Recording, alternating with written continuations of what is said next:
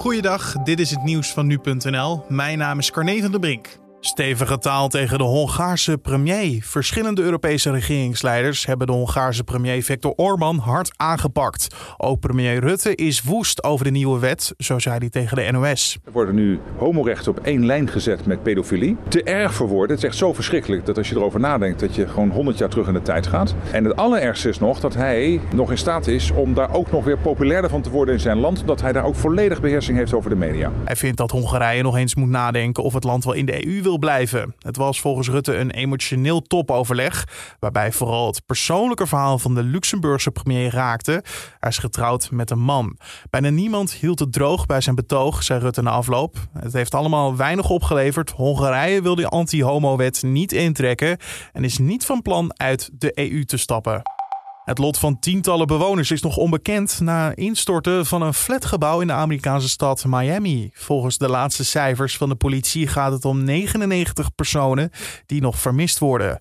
Bij de instorting van het appartementencomplex viel zeker één dode. Deze omstanders zagen het gebeuren. The whole other side of the building collapsed. and it was it was awful. Kids, grown up screaming. that was first that, that we had a mini 9/11 kind of situation. Volgens de burgemeester van Miami wordt er keihard gezocht naar slachtoffers die zich nog onder de restanten bevinden. We're going to do everything we can possibly do to identify and rescue those who have been trapped in the rubble. Hoe dit heeft kunnen gebeuren is nog onduidelijk. Het aantal meldingen van het RS-virus is de afgelopen weken hoger dan gebruikelijk voor deze tijd van het jaar. Dat bevestigt het RIVM na berichtgeving van het Nederlands Dagblad.